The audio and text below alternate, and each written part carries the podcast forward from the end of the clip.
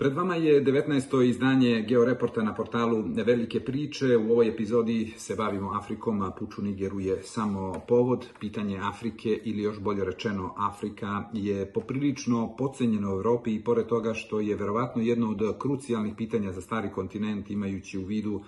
da je Evropa prva destinacija mladih Afrikanaca i da ćemo do kraja ovog veka imati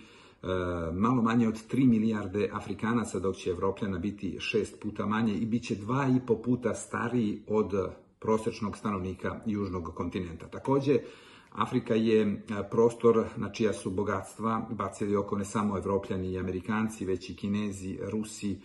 petromonarhije iz Persijskog zaliva, a od Saudijske Arabije preko Ujedinih Arabskih Emirata do Katara, a svoju ulogu, pogotovo u Afričkom rogu i južnom pojasu Mediteranskog mora, igra i Turska. Uvod u afričko pitanje. Afrika je postala, dakle, neka vrsta, možemo da kažemo, važnije geografske i geopolitičke šahovske table, malo zbog svoje pozicije, malo zbog demografske eksplozije i migracionih talasa koji su nužna posledica, a malo više zbog svojih prirodnih bogatstva, pogotovo onih neophodnih za visoke tehnologije. Afrika je deo takozvanog globalnog juga i kao takva je cilj hegemonskih aspiracija ili bolje pozicije na planetarnoj pozornici zemalja poput Kine, Rusije, ali i Turske i pomenutih petromonarhija iz Persijskog zaljeva koji upravo na leđima Afrike žele da ojačaju i poboljšaju svoju poziciju u odnosima vis-a-vis sa Sjedinim američkim državama i Evropskom unijom ili Zapadom, kako bi ga kolokvijalno nazvali. Međutim,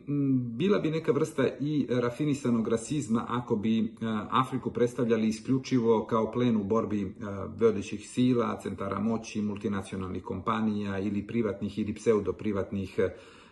vojski plaćenika. Na taj način se samo daje alibi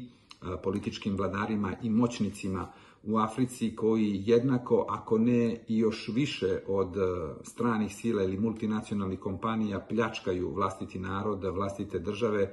a pritom za sve uz pomoć ruske i kineske propagande optužuju e, za siromaštvo i nefunkcionisanje sistema Francusku, Evropsku uniju ili tu i tamo Sjedinjene američke države.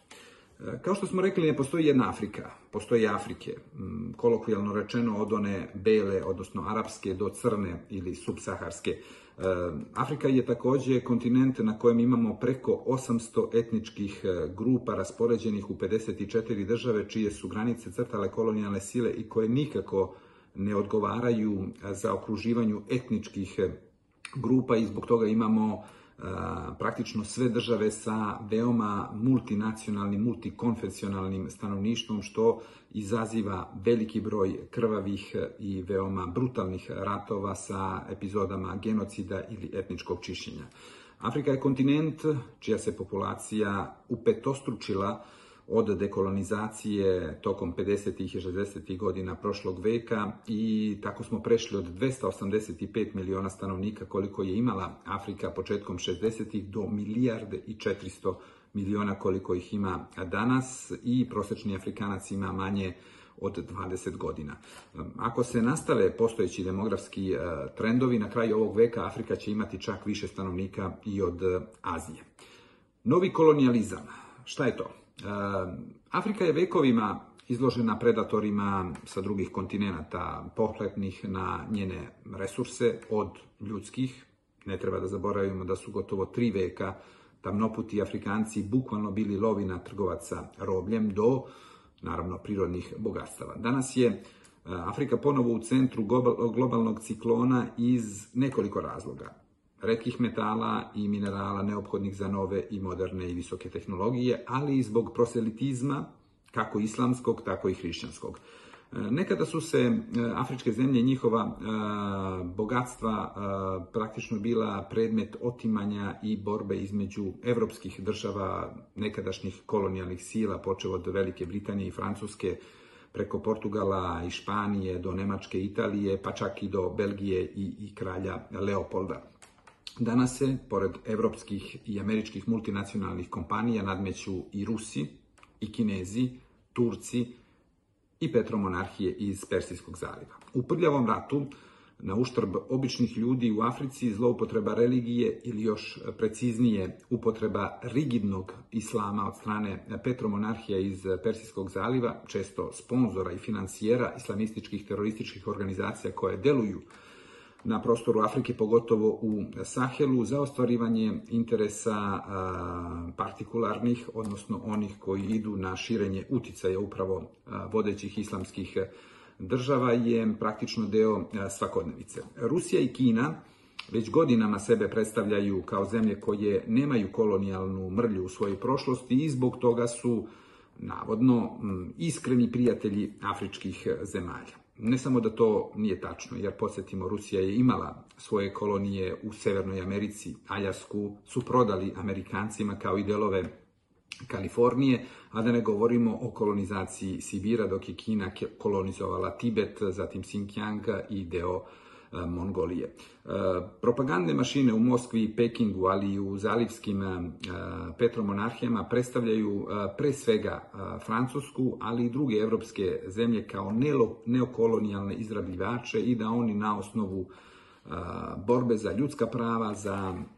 zaštitu nacionalnih manjina, za poštovanje pravne države, odnosno izgradnju pravne države, u stvari žele da uspostave nekakav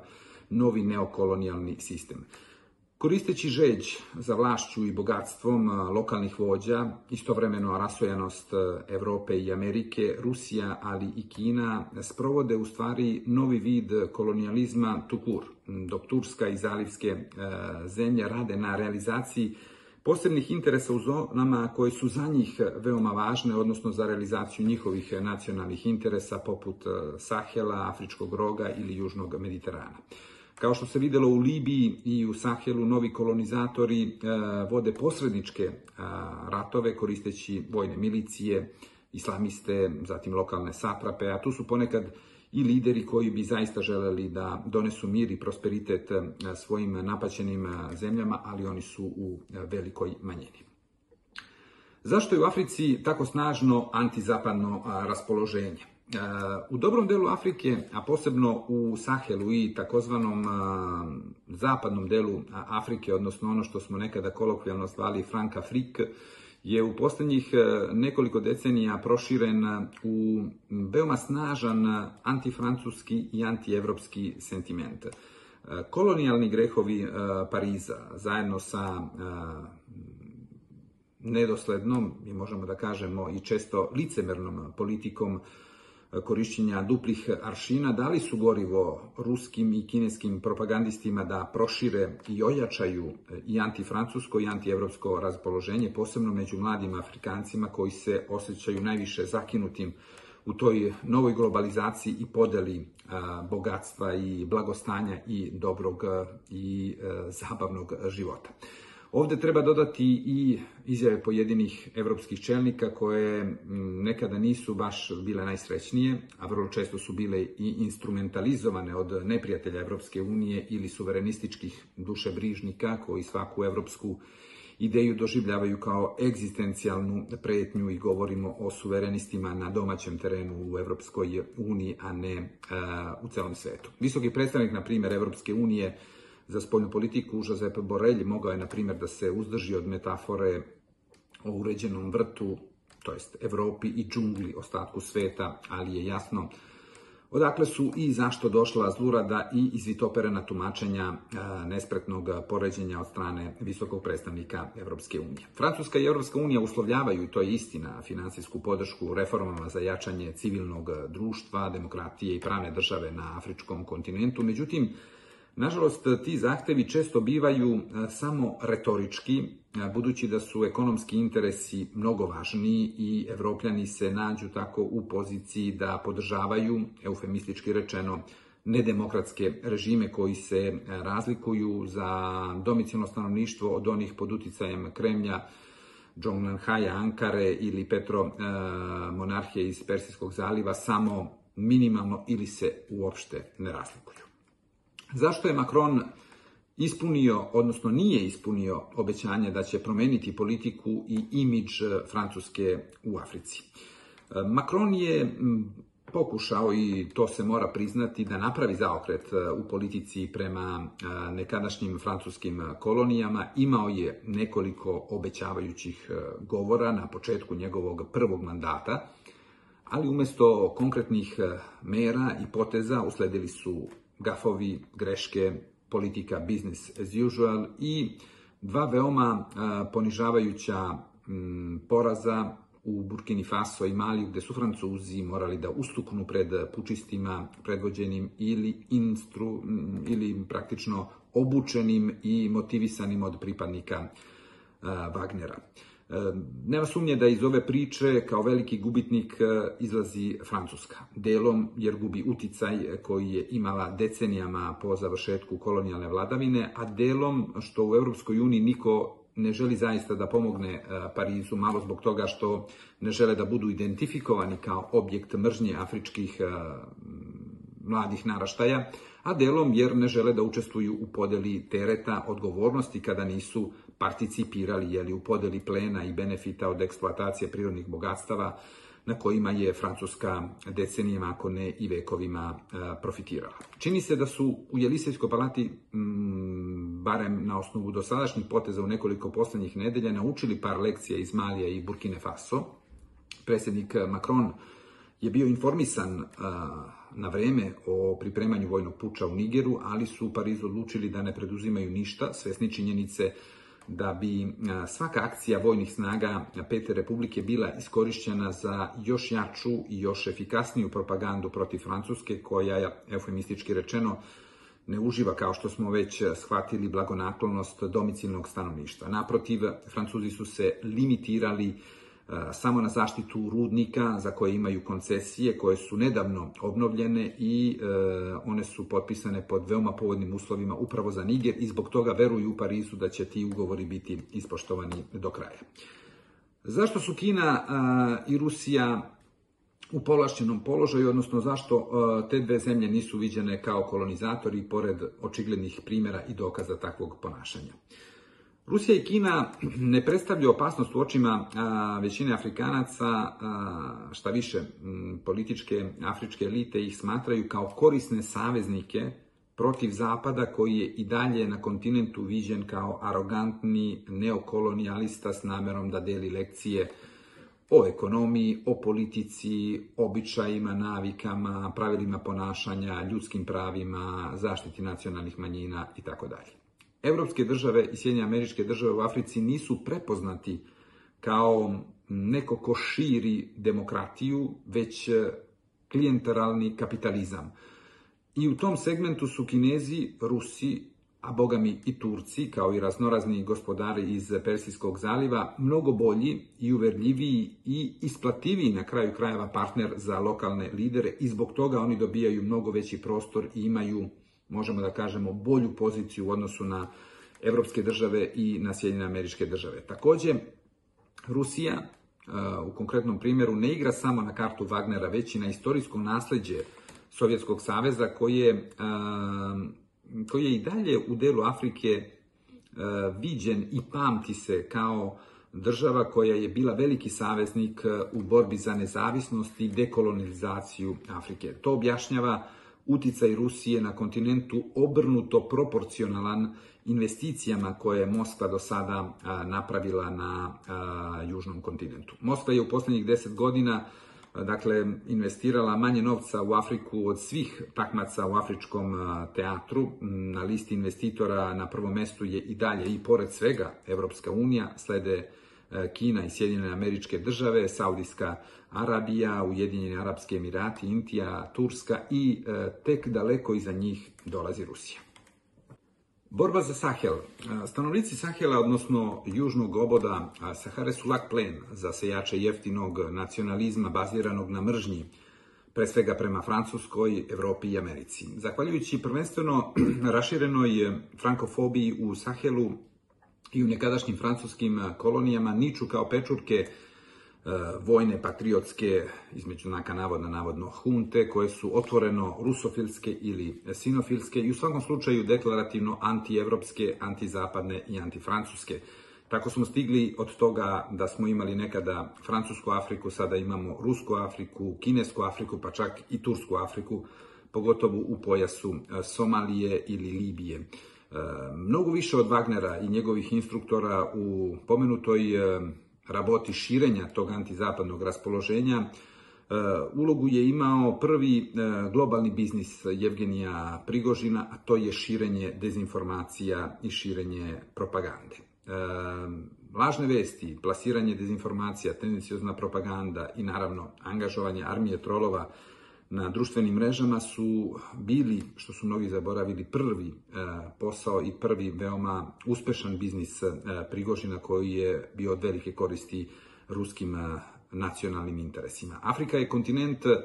gde je mnogo izraženija potreba da se veruje u nešto nego da se sazna. Idealna je u tom smislu za kreatore javnog mnjenja koji fabrikuju vesti, koji učvršćuju publiku u njenom uverenju. Dakle, ne da bi saznali nešto šta se zaista dogodilo, nego da jednostavno podupru ono što je mainstream uverenje najvećeg dela građana. U tom slučaju je veoma lako objasniti zbog čega u Africi i dalje veruju da su za sve krivi Francuzi, Evropljani i Amerikanci. Evropa, ali i Amerika takođe u ovom momentu ne mogu sebi da dozvole luksus da budu uvučene u još jedan regionalni rat delom, zato što bi ruska propaganda preko svojih megafona u Africi i u ostatku sveta to prikazala kao dokaz postojanja neokolonijalne politike, a delom zbog toga što su troškovi za rat u Ukrajini toliko veliki da jednostavno Evropa i Amerika moraju da razmišljaju i o sledećem sukobu koji ih čeka i koji je neminovan pitanje samo vremena kada će se on dogoditi, a on je sa Kinom i tu je samo pitanje vremena, dakle kada će se to i realizovati. Da se vratimo korak unazad i da vidimo šta se to dogodilo u Nigeru. Niger je mm, slika i prilika praktično svega onoga što predstavlja Afrika. Leži na velikim zalihama uranijuma, nafte, redkih metala, a ima najsiromašnije stanovništvo na kontinentu, toliko siromašno da nemaju čak ni novca da pokušaju da emigriraju u Evropu. Niger, dakle, nije zemlja odakle dolaze migranti na stari kontinent, već je samo tranzitna zemlja kroz koju prolaze migranti iz subsaharske Afrike. Od proglašenja nezavisnosti 1960. godine populacija Nigera se udesetostručila, a prosečna starost je čak i niža od afričkog proseka. Polovina od 25 miliona stanovnika Nigera ima manje od 15 godina. Prethodnih dana se često navodilo da je Niger bio različit od drugih država u Sahelu jer je imao demokratski izabranog predsednika i bio je na čvrstim prozapadnim pozicijama. Zbačeni predsednik Mohamed Bazum se predstavlja kao prosvetljeni vladar, završio je filozofiju, imao je i par inicijativa koje su imale smisao i bile su zaista drugačije od uobičajenih akcija koje se baziraju isključivo na upotrebi gole sile i on je pokušao da primeni neku novu politiku u Nigeru. Međutim, kao što bi višestruki italijanski premijer Giulio Andreotti rekao, istina je malo kompleksnija.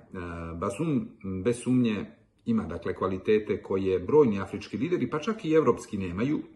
ali to ne može da poništi činjenicu da je on bio delfin prethodnog predsednika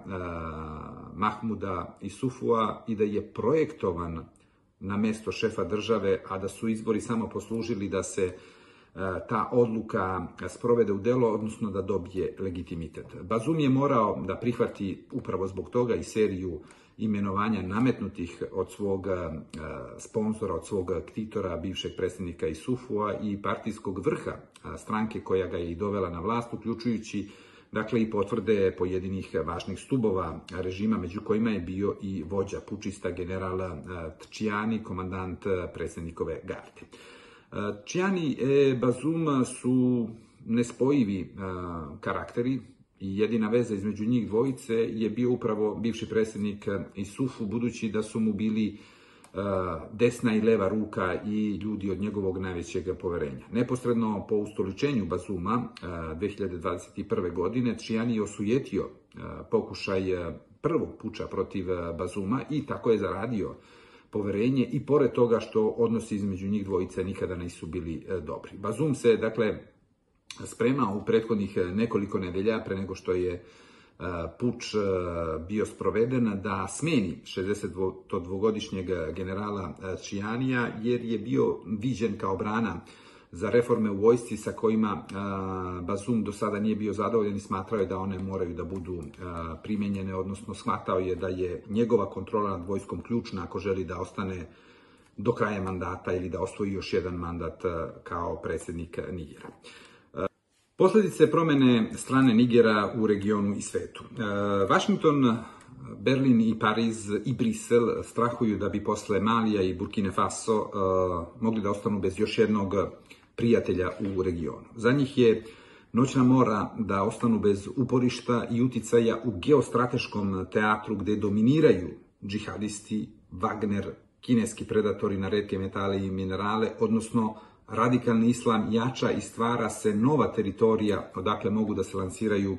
teroristički napadi na zapad, zatim se širi ruski uticaj, uključujući i glasanje u jedinim nacijama, što smo mogli i da vidimo u poslednjih e, godinu i po dana od početka ruske invazije na Ukrajinu, dok Kinezi e, praktično e, dobijaju otvoreni autoput da uspostave monopol na primarnim materijama za visoke tehnologije. Niger je u tom kontekstu bio definisan kao najbolji saveznik Zapada u Sahelu i kao takav je bio tretiran. Bilo da se radi o borbi protiv islamskih ekstremista i terorista ili kao primer da kakva takva demokratija u tom delu sveta je ipak moguća. Međutim, korupcija i zloupotrebe položaja su prilično raširene kao i brutalna eksploatacija migranske maršrute koja vodi iz subsaharske Afrike preko Nigera do obale Mediteranskog mora i to je u dobroj meri miniralo kredibilitet evropskih saveznika, odnosno e, režima koji je bio saveznik Zapada sve do skora u Nigeru. Međutim, pučisti nisu predvideli e, tako brzo usvajanje sankcija okolnih zemalja, pre svih e, Nigerije, koja, se, koja je glavni energetski partner e, Nigera, i pocenili su strah dakle, od okolnih e, država, od epidemije vojnih e, pučeva, budući da je Niger četvrta zemlja u regionu gde su generali promenili vlast i uspostavili vojnu huntu. Praktično u takozvanom G5 Sahelu, koji čine Mauritanija, Burkina Faso, Mali, Niger i Čad, samo u Mauritaniji, Mauritaniji nemamo vojnu diktaturu na vlasti, mada i tamo imamo generala na vlasti, Muhameda Gazuanija, ali on stigao na vlast, odnosno do predsjedničke fotelje preko izbora, a ne preko puča. Naravno, Nije ništa manje štetan ni scenariju koji predviđa regionalni rat u kojem se zapadno afričke zemlje dele na vojne hunte pod uticajem stranih partnera i države sa civilnim rukovodstvom u strahu da bi i u njihovom dorištu generali mogli da preuzmu vlast. Kad smo se dotakli zapadne Afrike, da li je tačna definicija da je Afrika, zapadna Afrika bure baruta? Dakle, ako proširimo ugao gledanja, u poslednje tri godine smo u zapadnom i centralnom delu Afrike imali devet prevrata vlasti u kojima su u četiri slučaja vojnici igrali glavnu ulogu. Gambija i Nigerija imaju veoma negativna iskustva sa vojnim režimima i nije slučajno da je predsednik Bola Tinubu najglasniji u osudi puča u susednoj zemlji i zagovornih oštrih sankcija i vojne intervencije. Nigerija, osim što dominira ECOWAS-om, odnosno ekonomskom zajednicom država Zapadne Afrike, kao najveća zemlja i najjača ekonomija, ima i najbrojniju i najopremljeniju i najjaču vojsku i ne sviđaju se što u organizaciji e, kojom dominira jedna trećina članica je predvođena vojnim huntama. Takođe, Nigerija ima i veliki unutrašnji problem jer je podeljena zemlja u kojoj više manje polovina stanovnika su islamske veroispovesti, dok je druga ili hrišćanske ili e, pojedinih afričkih e, religija. Podrška Malija i Burkine Faso pučistima u Nijameju ne treba da bude tumačena kao rezultat proruskog uticaja ili plod rada Wagnera. Reč je o ličnom odnosu vojnih diktatora u Bamaku i u glavnom gradu Burkine Fasa prema Bazumu koji ih je često prozivao u poslednjih par meseci i definisao kao nesposobne krvoloke. U Burkini Fasu i Maliju moraju da budu dakle oprezni jer su pobunjenici, uglavnom džihadisti, zauzeli velike porcije teritorije, u Burkini Faso kontrolišu čak 40% teritorije i dakle moraju da budu veoma oprezni da ne izgube u ratu sa islamskim džihadistima. Situacija u regionu dodatno je zakomplikovana i nemirima u Senegalu, gde je uhapšen lider opozicije Osman Sonko, i predsednik Maki Sal kao njegov nigerijski kolega Bola Tinubu mogao bi da iskoristi krizu u Nigeru za početak rata kako bi preusmerio pažnju javnog mnjenja i u magli vojnog sukoba obračunao se sa protivnicima u zemlji. Dakle, u ovom teatru Nigerija i Senegal imaju možda m, najveći interes i da bukne neka vrsta m, kontrolisanog ili limitiranog regionalnog rata kako bi jednostavno preusmerili pažnju sa njihovih unutrašnjih problema na regionalni problem, ali to svakako ne odgovara Evropskoj uniji i e, Sjedinim američkim državama, odnosno pogotovo Evropskoj uniji, budući da bi novi rat samo proizveo nove izbeglice i nove migrante koji bi e, stizali gde drugdo nego u Evropu. Uloga Rusije u Africi. E, jedan od najisplativijih poteza Moskve bio je osnivanje grupe Wagner. Simbioza propagande fabrike trolova Jevgenija Prigožina, logistička podrška ruskih obaveštajnih službi i Ministarstva spoljnih poslova Rusije lokalnim afričkim satrapima i vojni angažman Wagnera omogućili su Kremlju disproporcionalni, možemo da kažemo, uticaj u Africi u odnosu na investicije i na političku težinu Putinovog režima u planetarnim okvirima, pogotovo u ovom momentu. Dogovor između Moskve i Wagnerovaca je bio jasan od početka. Politikom i geopolitikom se bavi Moskva, a ostvarivanjem profita i zarade Wagnerovci. Rusija, dakle, preko Wagnera u Africi ne obezbeđuje samo uticaj, već i eksploataciju, dakle, primarnih eh, materija i redkih metala i minerala, kao i podršku prećutnu ili direktnu afričkih zemalja u Ujedinjenim nacijama ili u telima Ujedinjenih nacija. Taj detalj nije nimalo zanemarljiv od početka napada na Ukrajinu i težnje Moskve da za unutrašnju, ali i spoljnu upotrebu iskoristi glasanja na East Riveru kao primer da zemlja nije izolovana na planetarnom nivou i da se u suštini radi o zapadnoj zaveri protiv Ruske federacije, a da su čitavi kontinenti kao što je azijski i afrički uz Moskvu. Aktivnosti Wagnera su po pravilu sinhronizovane sa veoma čestim posetama ruskog šefa diplomatije Sergeja Lavrova u afričkim zemljama i malo u šali, a još više u zbilji se kaže da posle Lavrova po pravilu dolaze oružje i Wagnerovci. Nije ni malo slučajno da je upravo Lavrov samo dva dana posle pobune Wagnerovaca 24. juna poslao jasnu poruku da Wagner u Africi nastavlja sa business as usual, odnosno nastavlja sa svim svojim poslovima koje je prethodno započeo.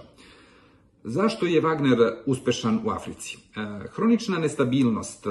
u afričkim zemljama, etnički sukobi, gotovo sve afričke države, kao što smo rekli, su izuzetno multietničke i multiidentitetske e, sa po nekoliko desetina komponenti i zbog toga su veoma podložne za širenje raznih uticaja, uključujući i radikalni islam, zatim koji je finansiran direktno ili indirektno od zalivskih petromonarhija i kao takve dakle su idealan ambijent za formacije poput e, Wagnera koje mogu da računaju na operativnu podršku čitavog diplomatsko obaveštenog vojnog aparata Ruske federacije i da zahvaljujući tome imaju veliku logističku i prednost na terenu da ostvaruju svoje ciljeve. Wagner u Africi nije Wagner koji je delovao u Ukrajini i to je veoma važno napomenuti, jer na južnom kontinentu su angažovani e, najelitniji e, pripadnici e, bivši članovi, možemo da kažemo, raznih specijalnih snaga ruske vojske, ruske policije, ali i iz drugih bivših sovjetskih republika kao i iz drugih zemalja. Reč je o prekaljenim obaveštajcima, oficirima i podoficirima policijskih i vojnih snaga. Reč je i o pustolovima, među njima ima i mnogo profesionalnih ubica i pustolova koji su se veoma pokazali kao efikasni u ratovima u Siriji i Libiji i Prigožin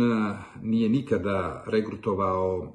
za poslove u Africi kriminalce, obične kriminalce kao što je to činio u ruskim zatvorima na početku e, ruske agresije na, na Ukrajinu da bi popunio redove e, jedinica koje su nosile obeležja e, Wagnera uz obećanje zatvorenicima da će im biti oproštene zatvorske kazne, što je još jedan jeli, dokaz o tome da postoji jasna veza između Wagnera i Ruske federacije, odnosno države. Istini za volju, Ovde bi trebalo takođe podvući da uh, uticaj i značaj Wagnera se često preuveličava ili podcenjuje. Dakle, on nije ni tako uh, definitivan i tako siguran i tako moćan, ali nije ni tako beznačajan, niti tako uh, slab kao što bi neki želeli da prikažu. Afrički despoti, kao i drugi, ne prezaju da zloupotrebe e, Wagner i njegovu reputaciju za ostvarivanje njihovih ciljeva. Primjer Nigera je vrlo poučan i pored toga što Wagner nije bio uključen u vojni puč, lokalne vođe ga koriste kao političku poruku ili čak pretnju svojim protivnicima. Naravno, na ruku im e, ide i vrlo aktivna i kapilarna medijska kampanja Kremlja u širenju frankofobije i antizapadnog osjećanja kao interes Moskve da se širi fama, odnosno taj imidž Wagnera o jednoj formaciji koja je praktično svemoćna i koja u Africi može da uradi šta god želi. Wagner nema toliko plaćenika, u celoj Africi ih ima negde oko desetak hiljada, i oni nisu dovoljni da bi e, vi mogli da vodite e, frontalni rat, e, a kamoli da dobijete jedan takav rat kao što bi mogao da bukne u zapadnoj Africi, odnosno u području Sahela. Međutim, Koristeći odsustvo strategije zapadnih sila, kinesku uzdržanost i limitirani radijus akcije Ankare, odnosno Turske, koja praktično sve svoje interese bazira samo na Moreuz koji prolazi pored afričkog roga i zatim na Libiju jer žele da stvore ekonomsku zonu u Mediteranskom moru spajajući praktično tursku obalu sa libijskom i uzimajući ceo taj prostor na uštrb Grčke. Jednostavno, u tom kontekstu Wagner postaje veoma efikasan jer je izabrao veoma dobro do sada svoje ciljeve, praktično su doživeli samo veliki krah u Mozambiku i tu su doživeli veliki poraz kao i u Libiji, kada su se sukobili direktno sa turskim specijalnim snagama koje su koristile famozne barektare i tako uspeli da odbiju napad Wagnerovaca i snaga generala Haftara koji su bili opkolili Tripoli četiri godine ranije. Dakle, Ovde takođe treba reći da mi imamo poziciju u kojoj Wagner sada želi da mm, napravi od svega ovoga što je sada uradio i dodatnu vrednost. I dolazimo do pitanja šta je to dodatna vrednost Wagnera. Mnogo više od vojne prirode dodatna vrednost Wagnera je političke. Imati Wagner na svojoj strani u Africi znači biti protiv Zapada, protiv Francuske, protiv Evrope. I to je u dobrom delu zemalja ozbiljan kapital s kojim se može raditi na srednje i duge staze. Ovde govorimo naravno o lokalnim političkim igračima. Kada na to dodamo da se Wagnerovci često suprostavljaju bandama islamskih ekstremista koji šire najrigidniji islam, postaje jasno zašto Wagner ima specifičnu težinu na dobrom delu afričkog kontinenta. Uz pomoć društvenih mreža i armija lokalnih trolova ili iz same Rusije, u delu Afrike je zaživela jednačina da Wagner predstavlja garanciju sigurnosti, dostojanstva i snage. Delovanje Wagnera u Africi se često slikovito predstavlja kao švajcarski nož – U pojedinim zemljama, kao što su Mali ili Libija, Kirenajka, mislimo na Kirenajku, jeli, istočni deo Libije, e, Wagner stoji direktno kao pretorijanska garda uz lokalne moćnike i praktično je deo e, vojnog i režimskog sistema u tim delovima Afrike, odnosno u Maliju i u istočnom delu Libije. U Centralnoj Afričkoj republici, na primjer, ima potpuno drugačiju odluku, ulogu i tu kontroliše praktično kompanije za eksploataciju primarnih materija i preko njih finansira brojne lokalne radiostanice, televizije, portale i kanale na društvenim mrežama na afričkim jezicima, naravno plasirajući vesti i propagandu u stilu RTA i Sputnika. Wagner je veoma aktivan i u delu afričkih zemalja u kojima nastupa kao kompanija odnosno vojna kompanija, koja obučava lokalne e, vojne policijske snage, a negde deluje i kao klasičan e, primer vojne privatne kompanije koja štiti e, strateški važne objekte, aktivnosti ili teritorije svojih poslodavaca. Takođe, Wagner koristi i kulturne centre pod nazivom Ruska kuća, kad zatreba i Rusku pravoslavnu crkvu da bi realizovao pojedine interese koji se više tiču u ovom kontekstu ruskih nacionalnih interesa nego direktno same vojne kompanije. Na vrhuncu svoje moći, tokom 2020. godine, e, Wagner je bio prisutan u čak 23 države kontinenta, dakle gotovo polovina, i e, oni su tu, možemo da kažemo, hiruški precizno koristili stanje koje je još Antonio Gramsci pre sto i više godina definisao kao sistem koji nikako da umre, a novi ne može da se rodi. Wagner je upravo iskoristio taj vakum u kojem je uspeo da nametne sebe kao veoma važnog igrača na afričkom kontinentu. U tom kontekstu Wagner uglavnom deluje mm, na pet nivoa, odnosno ima pet nivoa penetracije u afričkim državama i one se ogledaju kroz vojnu, geopolitičku, ekonomsku, kulturnu i propagandnu sferu. Među državama u kojima deluje Wagner na ovaj ili onaj način su Libija, Mali, Burkina Faso, Gvineja, Sudan, Centralnoafrička republika, Kamerun, Kongo, Uganda, Kenija, Angola, Zambija, Botswana, Južnoafrička republika i Madagaskar. To bi bilo sve za ovaj put i u sledećem georeportu ćemo se e, dotaći Wagnera jer ćemo se baviti Poljskom i pretnjama koje stižu Varšavi iz Moskve i Minska u poslednjih nekoliko nedelja, a za par meseci se e, očekuju, odnosno na programu su izbori u istočnoevropskoj državi I ko zna, možda su i te pretnje upravo deo te izborne kampanje, jer i Moskva i Minsk imaju veoma jaki interes da aktuelna vlast u Varšavi ostane tu gde jeste, jer su oni e, po ideološkim e, vrednostima mnogo bliži Moskvi i Minsku nego što su u Briselu kada govorimo o pitanjima braka, pitanjima veštačke oplodnje, pitanjima prava LGBTQ zajednice, prava žena na abortus i tako dalje i sigurno je da ni Minsku ni Moskvi ne bi odgovaralo da Tusk dođe na vlast u Varšavi. Do sledećeg slušanja i gledanja svako dobro.